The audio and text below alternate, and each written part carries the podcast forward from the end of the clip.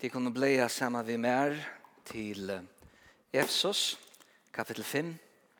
Vi får begynne å lese fra vers 22.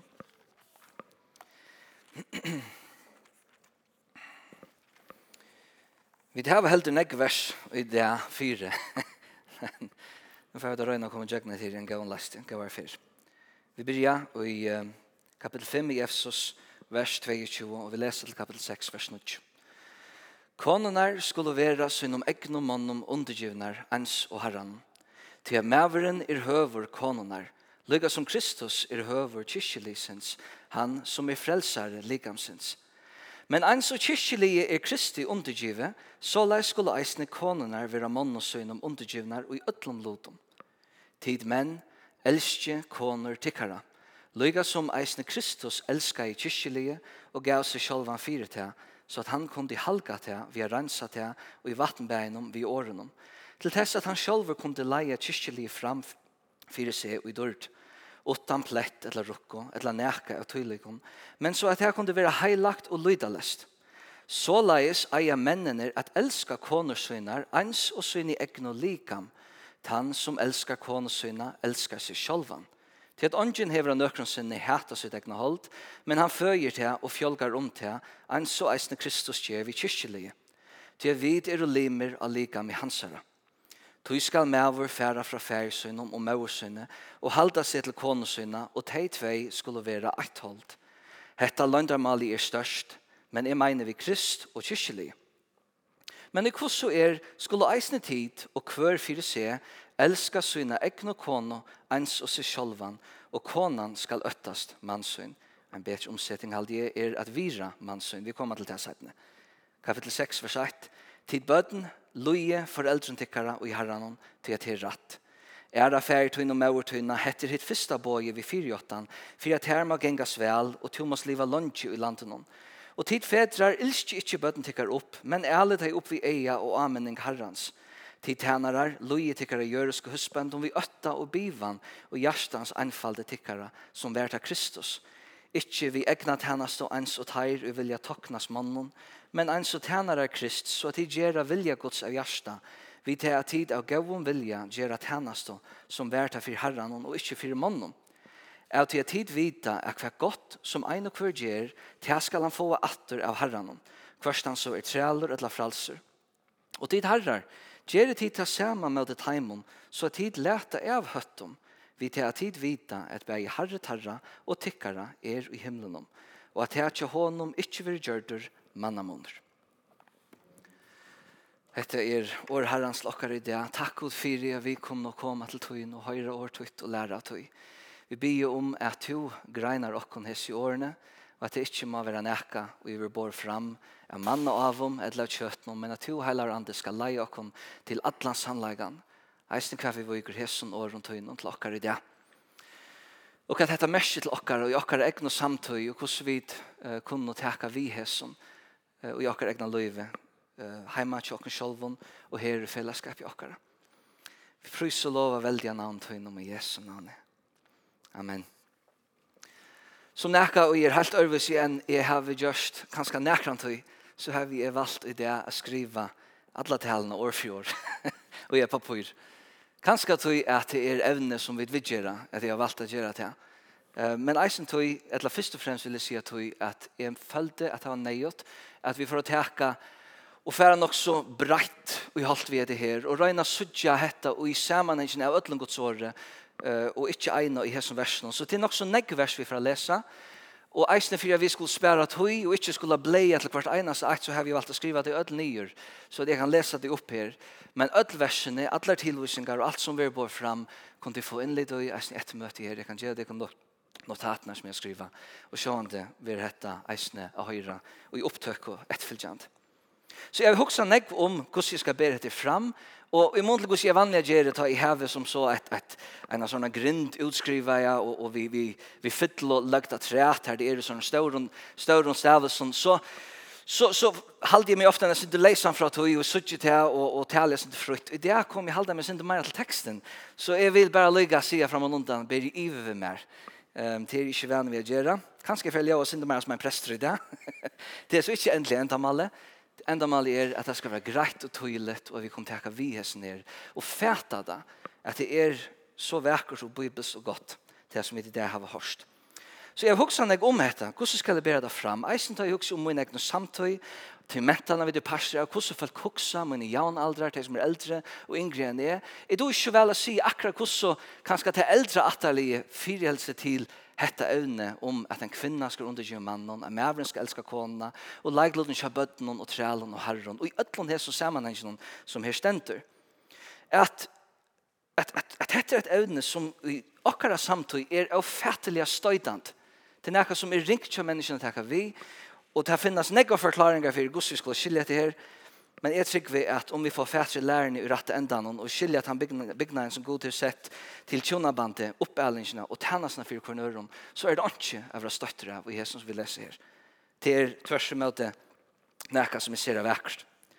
Og det finnes av fætle nek tilfær om hese her versene og ødel hinne som Paulus og eisne Peter tåsar om, om leikloden tja kinenon og i tjonabanden og Og det finnes velmeinande mennesker, hjertelig mennesker, og i bavund heim og større og brei og levende som har imiske hoksaner om hvordan det skal skiljes.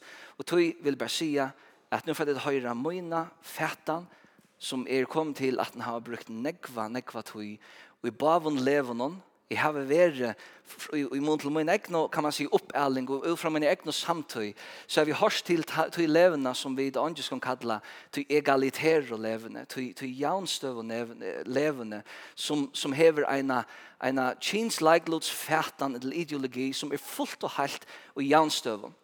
Her er i det, råkner vi ikke vi hører til til brei levende som kalles egalitær, men jeg hører til tøy som vi er nevnt komplementær, altså en ideologi som sier at det er en imisk leidje og i kjens leigloden og sambart Guds evige raje og tar imisk, han imisk leidjen og i leigloden som maver og kvinna skulle spille i tjonabanden komplementerer hvert anna, stolar og punter hvert anna er, er vi til å gjøre god ære og gjøre større frukt i løyven og tjokkom. Hesen trygg vi er det er breier lever og det er å fatle negger imisker imiska meiningar og i hverjar lever om nuanser i den hesson. Og vi får ikkje nyr i hverjar nuanser i det, men vi får komma in inn i um, til kanska brei og fætane hesson. Nå, i mån til allar her tolkingarna som jeg lyser og ser og finner i eget og i A og Anna, så har vi ikke samført med meira enn tan einfalda, greia lesingen av teksten stendrebant. Tan enfalda tøtningen av årene som stendrebant. Uh, og Om ikke støtt i åkken i Bibelene, som vi leser, så var vi fullkommen. Så om nekka støyte til i tøy som er sagt i Guds åre, så er det tøy at det er en leal i tøy. Vi har en høve til å vente vi. Vi har en høve til at legge åkken etter Guds vilja og raje og lære av tøy. Uh, og til vi god arbeid vi mer uh, i hesson. Jag ser det således när så igen i giftes vi konom inne så er vi bliven bare, bare, bare mer og mer fundamentalistisk og sibunden. och jeg vet ikke om det är konan som ska på med eller om det er Guds år. Jag tror det er en kombination av bav och tänkan. Att en, en alsker till Guds år så er det som det ständigt skriva och att vi må tacka vid som det ständigt. Nå. No. vi færer innan noen vers, og til negg vers som vi ikke kommer til i det, til vi tar stund til dess. Men vi begynner vi leikloden tja konene. Og her stender pura greit, vers 22 til 24, her er tre vers som utdypa hva skal kvinnan gjøre, hon skal undergjeva seg mannen. Det kan være fattelig trobla svelja, til hva merker dette? Skal hon være løyen hånden i ødlund loton? Akkurat det stender det. Ikke så snar, men, men hver mann er det så, er det ene hver mann? Nei. Hette her er i tjona banden, det er viktig at vi slår det fast beina ved. Hette her er om tjona vi tås om, Ta fyrsta motprøfarslan vi nesten alltid høyra til hetta, at öll hava jo samme vire. Ja, men det er jo eisa, ta lærer Guds år okkon. Galata Brown 3, 8, Her er ikke jød eller gritsi, her er ikke træler eller fralsemaver, her er ikke katter eller kona, til at tid er öll ein maver i Kristi Jesus. Det er så bæg kini hava jant vire i Guds eion. Og i fyrste Mosebøk kapittel 8, vers 6-6, så sier God, Vær viljum gjera mennesker etter okkara mynd, okkom, okkom, uh, lykar. Og det skulle råa iver hausens fiskon, iver himmelsens fuklum, iver fenainom, og iver ötlum vildgjørna gjørene, og iver ötlum skrykjekna som er skruja gjørene. Og god skapa i mannen etter syne mynd, og i Guds mynd skapa han han, som kall og kono skapa han teg. Så til at vi hava sama vire i Guds eion, um, så er det så lesnar, at han sambar sin egna evige og fullkomna rai hever avgjørst at kalleren og konan heva kvør sin leiklot og eisne at hetta vær godt. Vi deg er vera takksom og gledesfull til vi hugs om at vi heva öll saman vire framfor gode. Men vi deg er eisne akkurat nått at öttast og skilje og fæta at vi tar finnje eisne kvør sina oppgave røtje. Det er nek som halda eisne at hetta er at kvinnan uh, skal være undergi mannen, ein og alene er ein banning vegna synda fallet. er nek som hava til fattana. Jeg trykker ikke at det bare var en banning. Jeg trykker at vi sørger eisen etter minster langt i kapittel 2, i første møsbøk. Ta i maveren, først vi skapaver, han fer til oppgave, han navngjeva, ødel, djør i hesen heime. Og han var ensamhandler, han tør, honom tørver en av medhjelp. Eisen her, året medhjelp, er ikke, merker ikke at kvinnan er lagre sett. God brukar året medhjelp eisen om seg sjølvan, da han er hjelpare til Israels følge. Men det som hendte, det har vært her, at de synda av. Og vi kvinna sier han så etterfylgjande. Altså vi miklund treiton skal du genga vi badne, fyrst med oss 3.16. Og vi poino skal du føa, men til skal tro at hun vil etter mannetøynon, og han skal valda det her.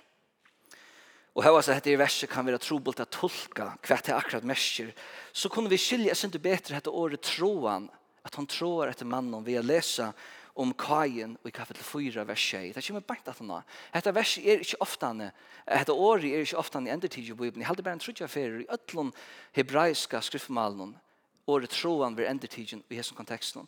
Og tar vi så samanbæra vi kapitel 4, vers 6 om kajen, så sørger vi at synden troar etter kajen, men han skal valta. Altså, det kan skilja så lesnar, at det er en avvisur mødvilje at gjeva seg under til valde som maveren hever finnje av gode. En så synden vil de akkurat takke iver og råa iver kajen, som hun så eisne slappa gjera, så er kvinnan her banna vegna syndna som kom i heimen til at det skal være trobult Att hon, hon tror att han har ett ett valda är mannen jag ser. Jag tror efter honom ska skilja så läsnar. Och tog er det trobult hos en bådskapen. Han är offentligt trobult att en kvinna är kallad till undergöra sig sin man. Vi kommer till alla tredjenar till mannen, bara roligt. Och här, här är det sannoliga stränkar. Men en är vi då hessen evnen. Så det är en strussvilje som ligger i natur och åkara, och särliga kvinnorna, att arbeta emot i hessen som är kallad till sibundna og gau skipan som er sett av god. I halde eisne vi sutja vid hitja til skapana søvni og avleingene av syndene, så sutja vid at det var alltid gods atlan at maveren skulle være høtti og tjuna banden. Toi, at ta i vid så i nyttjelsesmentene læra om hvordan synden kom i hendan heim, så leser vi det i kapitel 5, vers 12.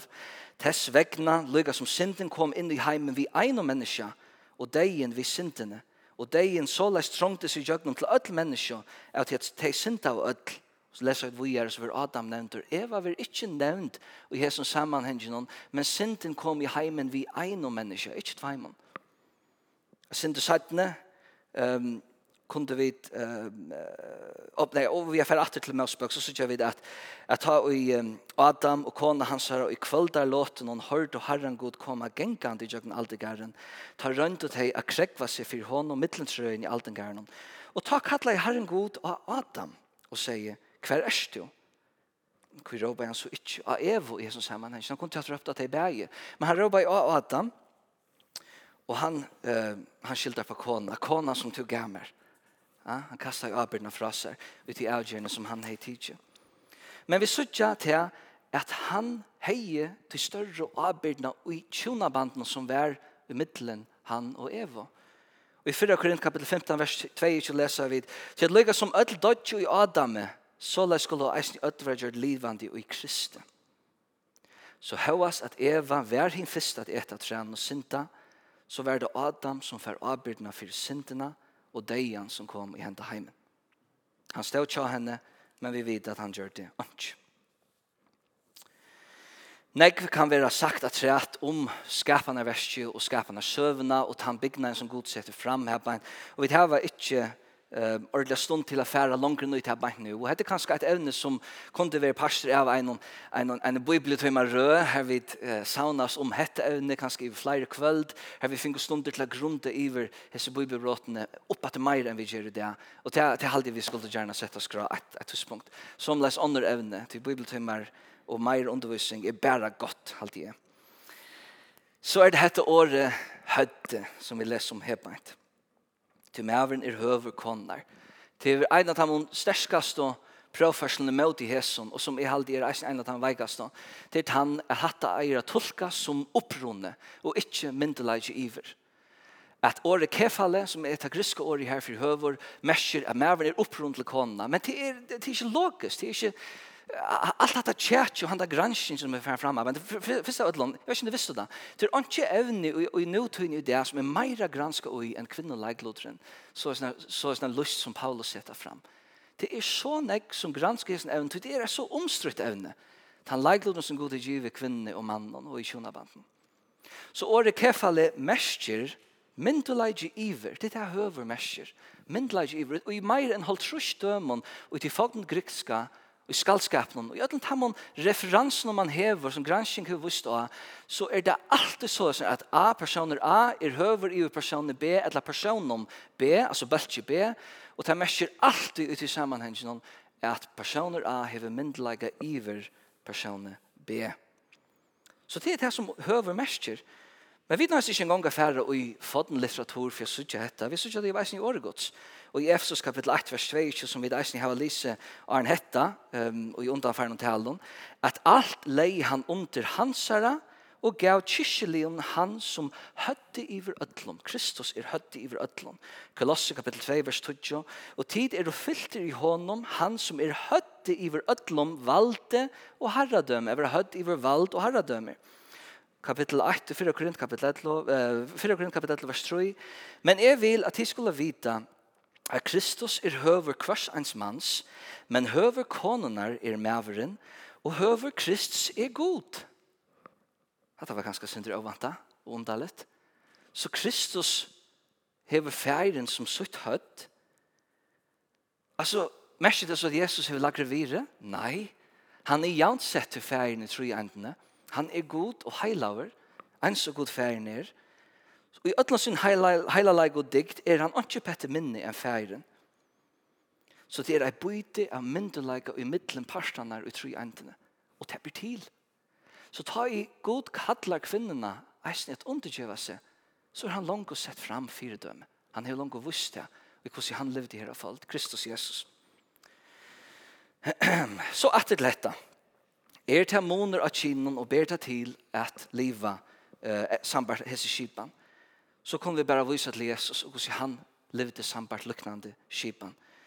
I Filippe brann kapitel 2, vers 5-8 stendur, Sama sinna lavere og i tikkum som eisne vere Kristi Jesus, Han som tar han var godt og i Guds mynd, ikkje helt er fyrir han av gode lykker, men avkladde seg henne, og i tog at han tog av seg tjenere mynd, og gjørdes mannen lykker, og tar han og framkom og vær som mever, sett i hans sjolvan lokt, og vær løyen til deian, ja til deia av krossen. Så han setter jo kom fire døme, og vi skal være trøsta i hånden, og sutja at jeg ber til at undergjeva seg en om ørum. Og det er et kristelig prinsipp en kristelig meinregla. Så selv om konan hever finnes i hese bøyene at hun skal undergjeva seg, så skal ønsken halda, ønsken skal tåra bitla nøkrum inn at henda kvinnan er kua, eller at hon akkurat hatt gjerst virkeslemmen, og ikke fer gjerst neka av nøkrum, men bæra ma boia. Til at først i møte så er det så at hon kan er fætelig enn nekv. Årtøysen kapittel 31, vers 20 til vers 31, og lysa hesa diktarfodl og hesa heila og godsøttande kvinna, hva hon megnar, og hva hon kan, eisen under hese kipan. Vi får bare lesa nøkker eh, vers herfra, annars så halde jeg til nekka som alle kvinner eier do utanett, somleis menn. Årtøysen kapittel 20, eh, 31, kapittel 1, vers 20 til 31. Her stendur ein, ein av doande kono, hvor finner henne? Hon hevur nekv hakri viri enn perlur. Hon syrkje fyrir utl og løyne, og hoalega arbeid hennar hentur. Hon er eins og kjeppmannsins farmaskip, hentar føslena lengveis fra. Hon fyr opp fyr det, mæt skaffar husfeltje søgnom, og djever arbeidskonum søgnom setning tarra. Hon er ikke arbeidsgjevar. Hon Hon får ho av gjør og kjeiper henne, for til hon avrikar vi hånden og plantar hon vinkar. Hon gir lenda sina vi kraft og gir armar sina sterskar. Hon kjenner at starv hennar etnas vel, ikkje sloknar av på henne og nætur. Hon rattar ut hendene etter råtjen og fingrar henne av takk om snaltene. Hon leter opp leggvann for armingan om og rattar ut hendene med henne og fatakka. Kraft og søvme er klær i henne, og hon lær at komande deg. Hon leter opp munnen vi vysdømme og milde hennar og mild leibeininger og tunge hendene. Inte er svika litt og vekkerleik ikke fer, men kona som etter herren skal være prysa. Djev i henne av tog som hon evriga vi hånd og søgnom, og lete versk hennara og i lionom henne prysa. Det er bare noe fabrått ur hessen kapitlen her. Ta i konan skal undergjøre seg, så vil det ikke lukne vi lukkene som bøten skulle vise foreldrene søgnom. Det vil ikke lukne vi kvært en træle skal gjøre med de herre søgnom. Det er en helt annen mynd vi så ikke hebent. Det er en kvinne undergjør seg, tror det tog at hun vil være leid av mannen søgnom, og hun virer han, til at han hever finnes i høvesavbyrdene, er rødt halsene, trivnein og fruktene i tjonabandene, og tog at her vi kjenner at lasla hansara er rattvis, mild og vois. Og hetta kan samanberas vi kosso uh, vid vera leit av Kristus. Kristus leier okkom vi offrande kærleganom, han leier løyset nye for okkom, og ta sann for okkom om at han er verdur av fylgja, og tog gjerra vid eisne til. Og nu kom han vid til mannen. Til han er kallar til at elska, til at gjerra ens og Kristus. Så tar vi det här nu allt hetta i hoa. Så kommer vi komma till där nästa settingarna. Och till hela nudge och vers i tale som Paulus sätter fram til å amena mannen vi. Han er tru vers til å amena kvinnerna, men han er nudge vers til å amena mannen. Og vi kunne brukt flere dager oppe på hans her versene, men vi får bare bruke denne løten nå. Han sier her at um, Det som vi varnast har vi lese hetta, det er verleggan og hvordan er Kristus fyller ut i. Det er Kristus som gonger undan i öllum heim og versene vi leser hebbeint, at han, han rensar seg kyrkjeli, han gav seg sjalvan fyrir til, han frelste til, han er høver, uh, høver kyrkjeli sens, og så framvis, og så framvis. Og, og vi sykja eisen at av tog at Kristus er høttig av samkomne, og at han er til at tverst og gjøkken allar mentaner, og, og til alla tøy, gjøkken alla heimsøna, så får han alltid vera hødde til samkomne. Som når jeg kattle til mannen, er alltid vera et hødde til konesøyne og i tjonabanden. Eller atter understryka, etter Det er ikke at kvinner skal vera undergynnar ödla mannen. Det er sikkert hong saman. Det er ut i heilige, godlige tjonabanden. Og vi sitter her at kvinnan er kallat til å være undergiven mannen i ödlan loton, vers 25 bænt åren vi kom inn i den parten som snur seg mannen. Og jeg får ikke røyne her at utgreina hva det er mersker i ødlån sammenhengje.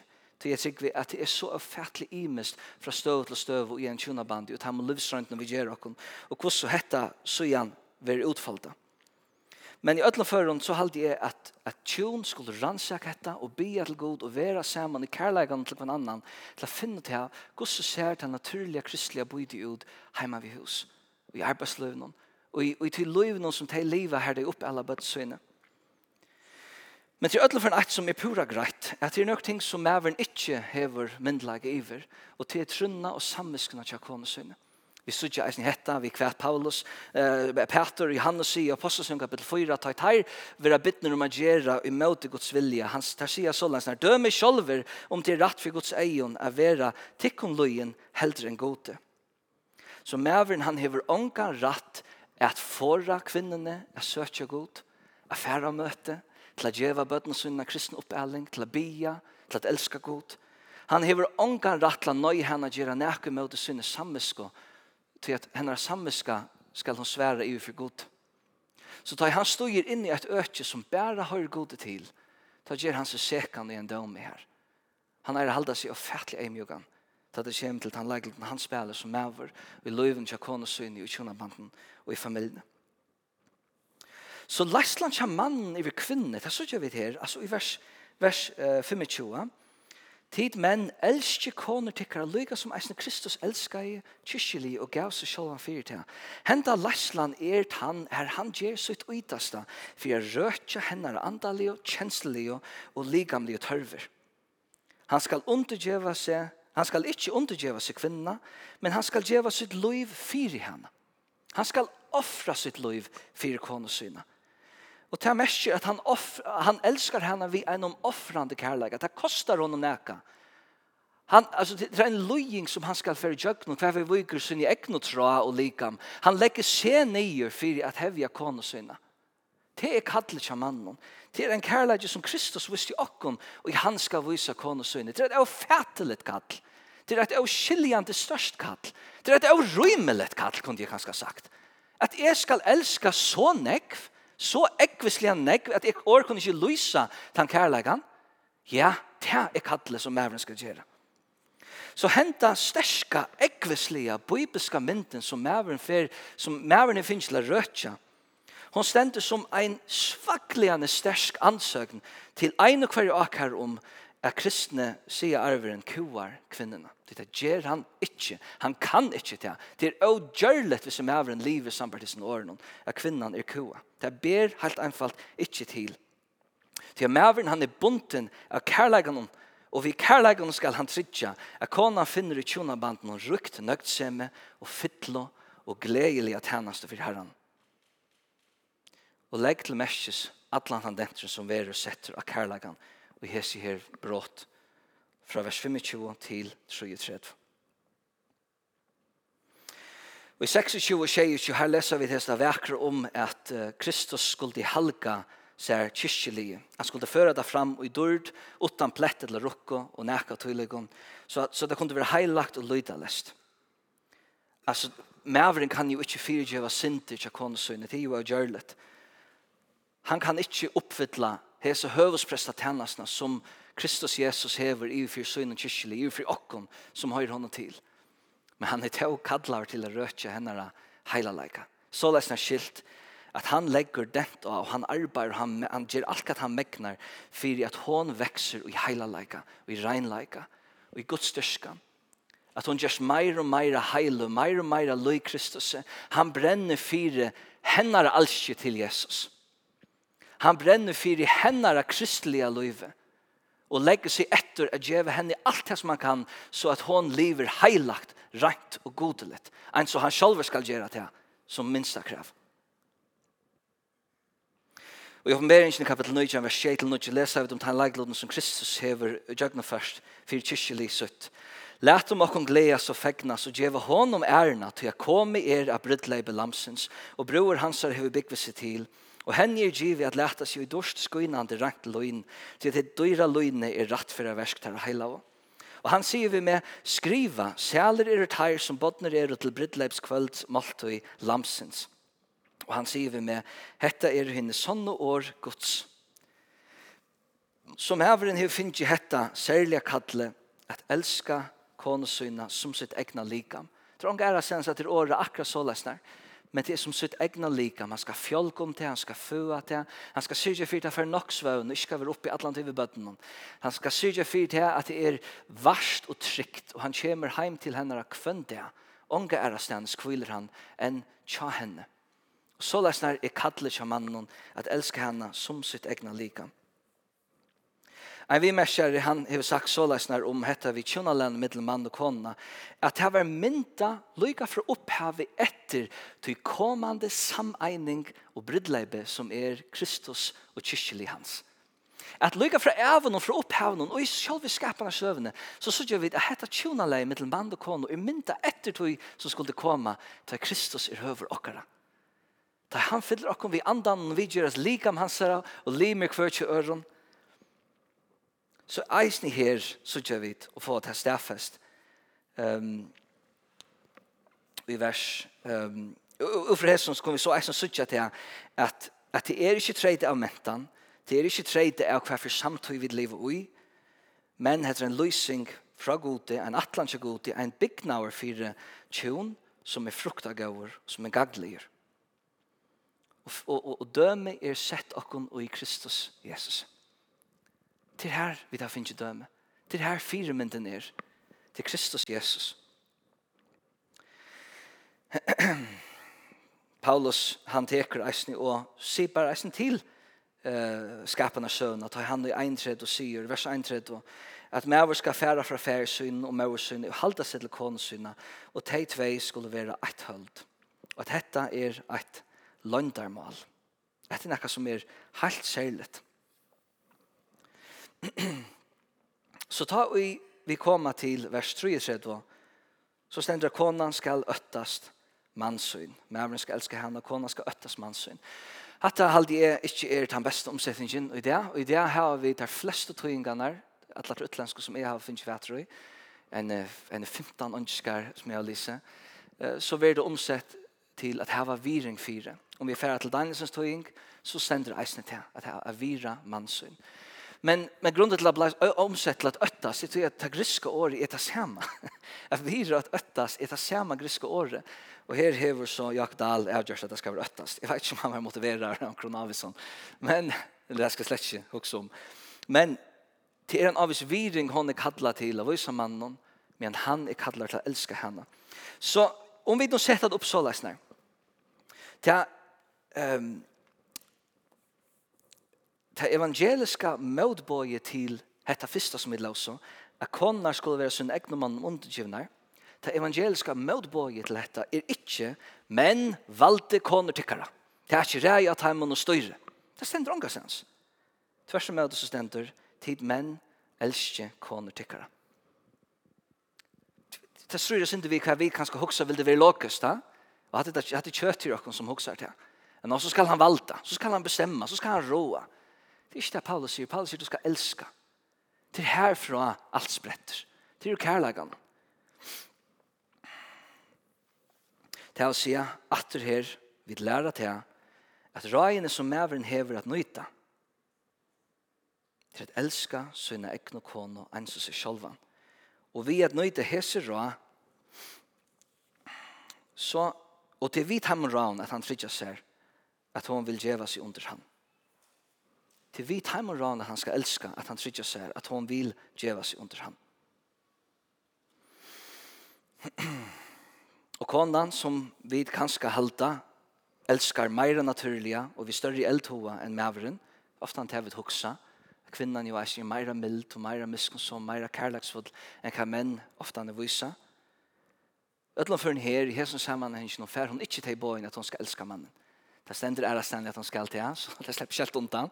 Men her stender ikke til at hon skal elska mannen, men hon får vite at hon skal um, vira han. Jeg trygger til eisen og i tog at hon viser kærlega til hans. Så jeg kan kanskje lykke nevne et av trettet i sambanden, at oppgaven til mannen er til ikke å gjenge høyt opp om konen undergjøres i litt. Det skal slett ikke litt i tanken til honom. Han er ikke motiveret om han har rei og henne en ei. Han legger seg etter å elske Til det eneste han også om. Og hins spurningen i middelen konene og god. Det er så snart det er. Du tar en røyner av valda konene, ta hever han trakka syna, tror han gjør skal. Kvinnan vil undergjøve seg, ta mavren leier vi visdomme, vi rattviser, er milder og kærlagsfotler mot konene syne. Ta han offrer sitt liv for konene syne. Ta et han ekka som kvinnan vil gjøre. Nek vers kunne vi tidsen fram at rett. Jeg får ikke lese til, men jeg får lykke nevna til, og så kunne de som har AHA for å lese til selv. Vi kunde brukt nek orsko på at utdypa til, men det får vi ikke gjøre i det. Titus, kapittel 2, vers 3-5. Her vil eisene tåsa om hva et eldre kvinner, hvordan det kunne bære seg et, og unga kvinner. Um, og i fyrsta Petters brev, kapittel 3, vers 1-6, her stender alt møvlet eisne om hetta kvinner henne leikloden og hvordan tjonabandet ser ut og hver, hver det vil vi er uh, a finna innan og jokken sjølvene. Det er som god fører jokken. og så Kolosse kapitel 3, vers 18 til kapitel 4, vers 1. Så tar vi nå her ved hesa mynden på plass, og vi sier at dette her er et tjonaband, et heilagt tjonaband, her og man kappa som man vet at hver en øren heier, her til er tænas, her til kærleidje, her til er eisne er bøyde av myndelig og oppgave, så fer nå Paulus iver at hos om oppæling av bøttene. Han sier vi bøttene at det skal være løyen. Han tosser om løttene. Og han kom til kanskje ferie og trivi og i de mange versene i gandasmenten og ærestene som avværer i møte og løttene. Han kom til tidlig fram, Ramabra kapittel 5, her og løttene i møte foreldrene være lista i middelen nekva æra, ljøta og enda synd. Og ikke kjær det som gjør han. Han tåsar til til hese bøten og sier at det er signing og en fyri åtta, hans et lyfte i hesson av vera løyen for eldrens søgnen. og det er foreldrene, og ikke bare papen. Det er foreldrene. Det er eisen galdande for mamma. Det er sier mamman og hesson før noen, um, hon hever ein sterkan neiglod eisen i oppælingen, det er vidavit, det er sier seg kjolt. naturen lærer okken eisen etter. Men det er en vant til at heser her papper, og jeg skal ligge og si et annet æren, ikke noe leiv i midtelen. Det er å si at her at mamman, eisen i som før noen, vi sørger at æren, at hon er byen at undergjøve seg, så vil det angan hatt, så vil det henne av mulige ting og arbeid og skilda, ikke undergriven. Hon hever ikke valgt eller arbeid mist hva vi viger opp ærelsen sin egne bøtten. Hon vil nevnt her jant vi mannen.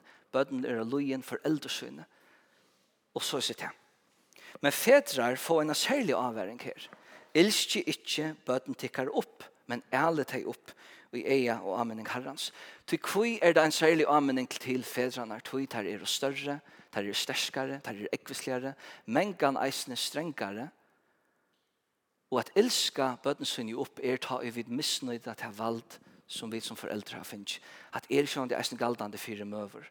Nu nevnes så Paulus fedrar, men det er, det ber til å være avstrenger, avherrer, og at nøyde ånegg vald i så lesen som vi eier og lærer opp at nokkara. Um, og i Kolossus stendur så sånn at vi skal anse etter at det ikke missa møte til Kolossus kapittel 3 vers 21. Så det er kun å missa møte til vi som foreldre er åstreng og krever åneg. Og de bøttene som akta vel er i særlig vanta for å komme under dette. Det er at de løy og de kjer etter og så lett vi meira birar om man at deg. Takk til kan eisne av snir, ansett av minne bøttene, takk og rutta kammer til gjer hett og gjer hett. Og vi setter strengare og strengare krøv til de forvinn er så røsk. Men de missa møte tar vi det og rymlig med timen. Og tog kunne vi få at de at elskas, eller vi elskar at de opp.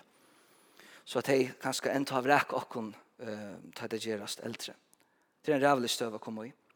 Vi skulle alle deg opp i eia og anmenning herrans. Og her får vi nekva velaing i Bibelen om hvordan det kan sitte ut. Til at ødel oppæling som er rødt og sann og gaglig, hon er ut fra Guds åre. Her er, her er det foreldrene som er bløtt og, og, og full av Guds åre, som djeva Guds åre til bøttensøyne og viser det i versi og kærlega på allan hatt. For jeg leser et vers gammel som heter så leser vi om hese foreldrene. Og tid skulle kjenne bøtten tikkere at hei, altså årene som de lærer, vi er bedre dig opp av mal, bæg tøy du sitter hemma vi hus, og tøy du gonger ute, bæg tøy du legger til, og tøy du først opp. Du skal rida tøy av dora stävnar i huset tøynom, og av borgarlig tøyne, år herrans.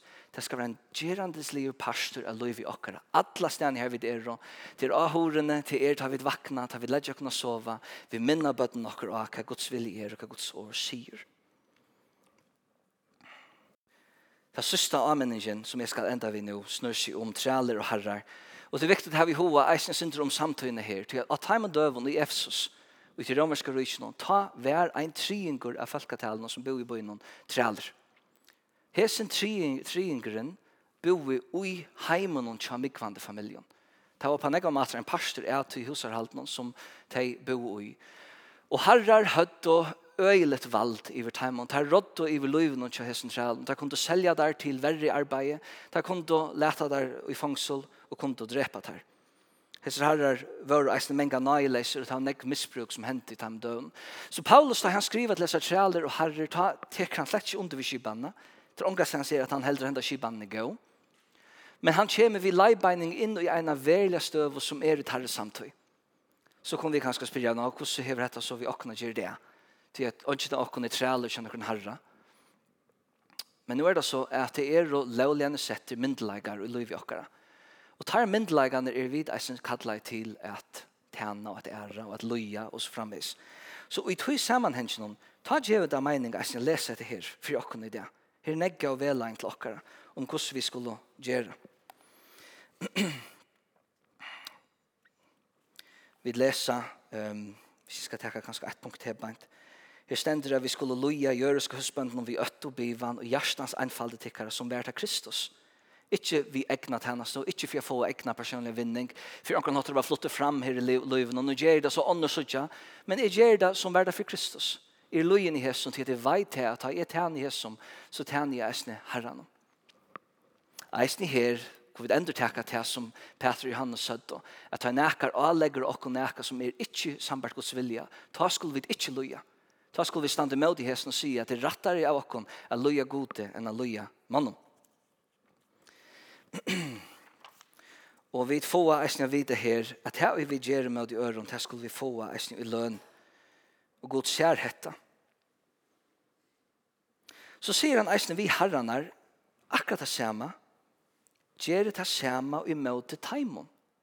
Vi er i møte trælene som tid har arbeid fyrir ens og tar i møte tikkun under gjør tikkun eisen tar. Vise, vise viring for taimon, lett vera vi at høtta, ikke bruk at jeg valgte å heve til at høtta, Så her er vi har avbyrd i løyvene, her er vi er sett som myndeleikar i vinnerløyve, og i, i allmenne løyvene og i, i, i ein og hver sammenheng.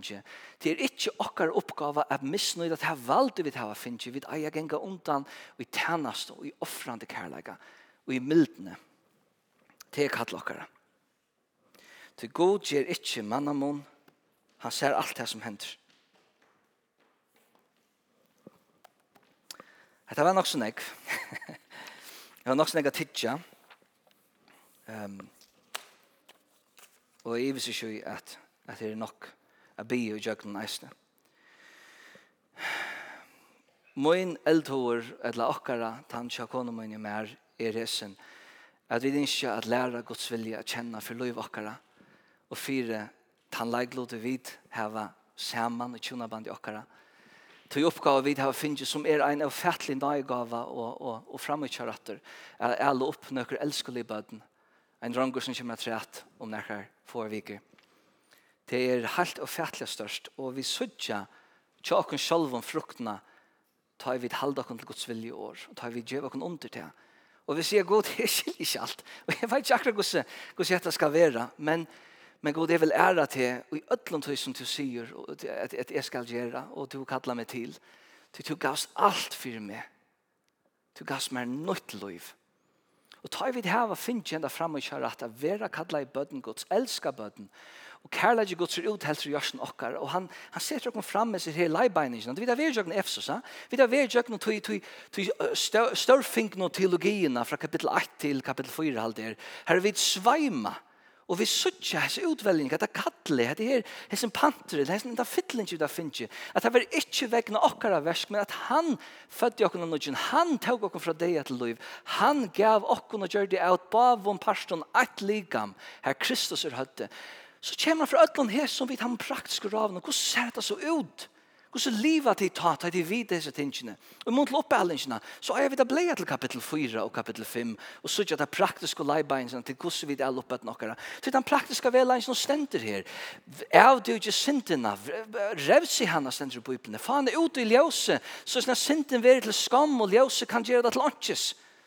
Veri ikkje laks, men vi sintene, men liv i heilag, liv i rent, liv i godlet, og i egnare kraft, alls ikkje, og i gods kraft, og i andans kraft.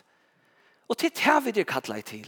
Til tog vi sauna saman her i Libanon. Til vi bier for kunnaren, vi vilja styrkja kun annan til å leva heilagt. Til å boa hendan gleboskap, hendan løndardom. Og til er en sanne løndardom og sier, som Paulus sier, og til hans bøn. Så takk og fyrir vi har finnje hetta, og til er okkara. Og vi er signa vi hesson. At du hever endefødt okkur vi, vi, vi kraft av heilan nanda. Takk Jesus fyrir nytt liv og hjelp okkur å skilje henda bådskap og hjelp okkur å skilje roma for en øren. vi vil kanskje ikke ødel sudja det ans ta det kommer til dette evne. Men lat okkur ødel hava en innelig en brennande kærlega til årtutt og at vi takka da vi okkur tar vi dessen for heimkvurdelsut og rannsaka det for jeg kjenna hva vilje til nir. Og Jesu navn. Amen.